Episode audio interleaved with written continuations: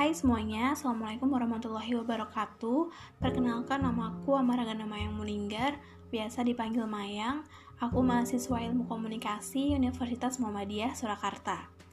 Di podcast kali ini aku bakal ngebahas tentang STPFP Jadi STPFP ini singkatan dari segmentasi, targeting, positioning, formatting, programming dalam penyiaran Buku yang aku jadiin referensi yaitu buku dari Fajar Junaidi yang berjudul Manajemen Media Massa.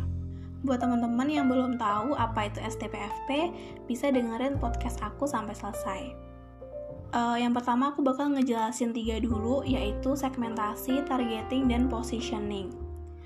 Nah, segmentasi halayak merupakan suatu strategi untuk memahami struktur halayak Targeting bisa diartikan sebagai target halayak, yaitu persoalan bagaimana memilih, menyeleksi, dan menjangkau halayak. Setelah halayak dipilih, selanjutnya adalah bagaimana melakukan positioning, yaitu bagaimana strategi untuk memasuki otak konsumen. Untuk memudahkan segmentasi halayak, uh, maka segmentasi bi bisa dilakukan dengan beberapa dasar, yaitu yang pertama adalah segmentasi berdasarkan demografis. Sesuai dengan namanya demografis, segmentasi ini didasarkan pada data-data kependudukan seperti usia, jenis kelamin, pekerjaan, suku bangsa, pendapatan, uh, pendidikan, agama, ras, dan sejenisnya aspek demografis telah lama dikenal uh, dalam rangka pemasaran. Penggunaan segmentasi berdasarkan demografis ini juga sangat relevan dengan bagaimana media melihat halayak dan menentukan halayak mana yang hendak dibidik. Nah, nanti data-data tentang kependudukan juga sangat penting dalam uh, penentuan segmentasi dengan mengaitkan data kependudukan dengan perilaku halayak. Uh, contohnya, stasiun televisi yang akan memilih uh, membangun pemancar baru di daerah yang lebih padat penduduknya daripada wilayah yang tidak padat penduduknya. Um, segmentasi berdasarkan geografis uh, juga menjadi hal yang gak kalah penting. Jadi, pengalaman dari Jawa Pos dengan penerbitan radar di berbagai daerah memperlihatkan bahwa aspek geografis harus diperhatikan dengan seksama dalam manajemen media. Kejelian manajemen media dalam membidik halayak pada daerah potensial menjadi kunci uh, keberhasilan media yang bersangkutan. Segmentasi geografis um, memperlihatkan bagaimana orang dari daerah satu akan berbeda dengan orang di daerah lain di dunia. Bahkan di, di satu negara yang sama, dalam hal kebutuhan, keinginan, dan konsumsi yang mereka lakukan.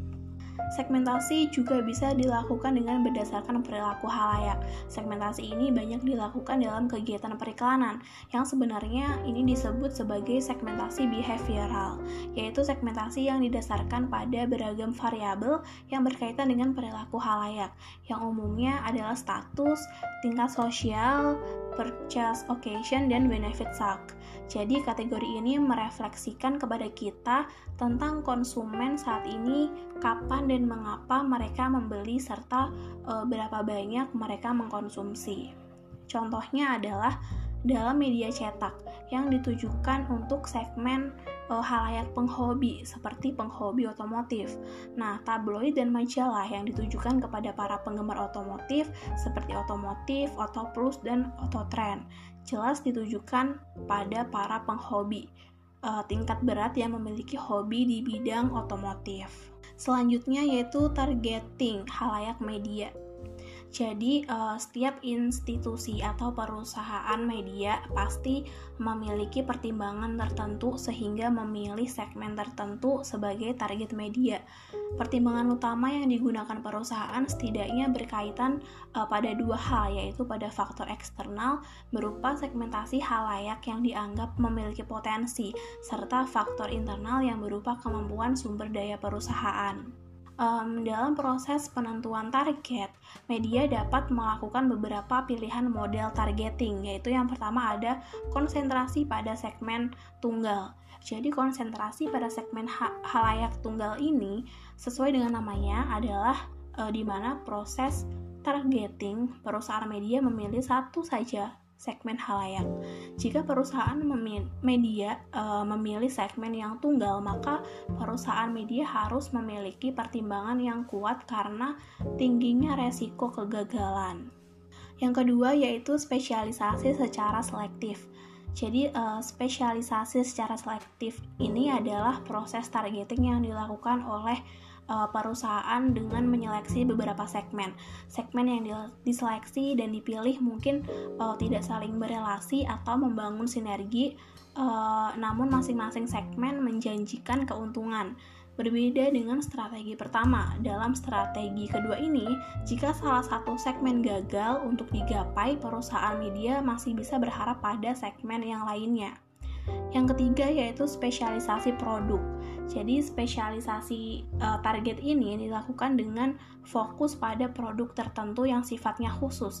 Dalam spesialisasi ini, perusahaan melakukan pertimbangan uh, targeting atas dasar membangun reputasi yang kuat di produksi yang spesifik.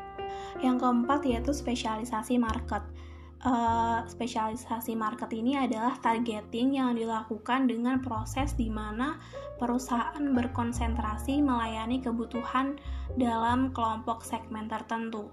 Jadi pertimbangan pasar yang kuat menjadi alasan dalam targeting yang didasarkan pada spesialisasi market. Yang kelima yaitu jangkauan semua pasar.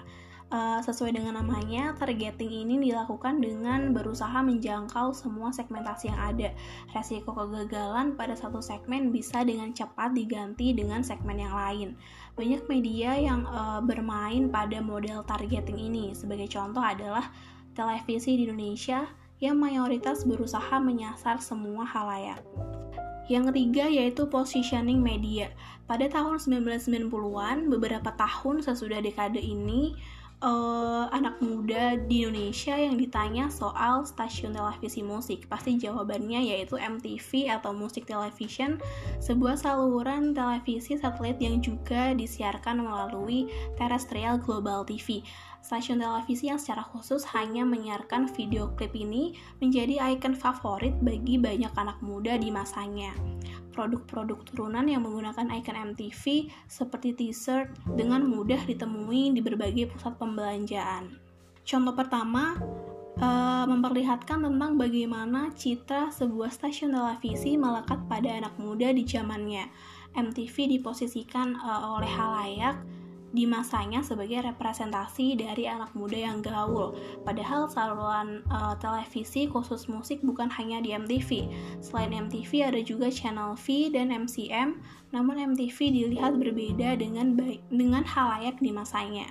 Yang selanjutnya yaitu formatting.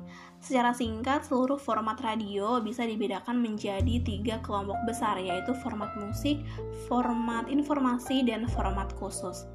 Format musik adalah format yang paling mudah ditemui uh, dalam berbagai stasiun radio swasta komersial. Perkembangan format musik ini banyak dipengaruhi oleh perkembangan radio penyiaran di Amerika Serikat. Format umum yang kedua adalah format informasi yang dapat uh, dibagi menjadi dua subformat yaitu format yang didominasi berita atau all news dan format yang lebih banyak didominasi oleh dialog atau talk news.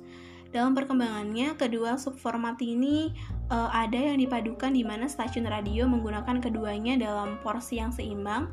Subformat campuran ini dinamakan uh, sebagai news talk. Nah, di Indonesia, stasiun penyiaran radio yang menggunakan format informasi banyak muncul pasca reformasi seperti Trijaya FM, Pas FM, dan KBR 68H. Format ketiga adalah format khusus. Format ini bisa ditemui pada stasiun radio yang ditujukan pada segmen tertentu berdasarkan etnis atau agama. Sebagai contoh adalah uh, Radio Mentari FM yang berada di kota Solo dan MK Radio di beberapa kota yang ditujukan bagi umat Islam. Yang terakhir yaitu programming. Dalam kegiatan programming yang penting adalah tujuan dari programming yang disusun uh, penyiaran radio memiliki target yang spesifik. Nah, di Indonesia kita bisa menjumpai radio yang memiliki uh, segmentasi anak muda seperti radio Prambors dan kaum eksekutif dan pebisnis seperti Radio Sindo Trijaya yang memiliki jaringan radio nasional. Di tingkat lokal, segmentasi radio semakin spesifik, seperti radio DCD di Yogyakarta yang khusus memutar lagu campur sari dan dangdut. Ada dua tujuan dasar dalam programming radio. Yang pertama adalah tujuan yang uh, secara khusus bersifat lokal.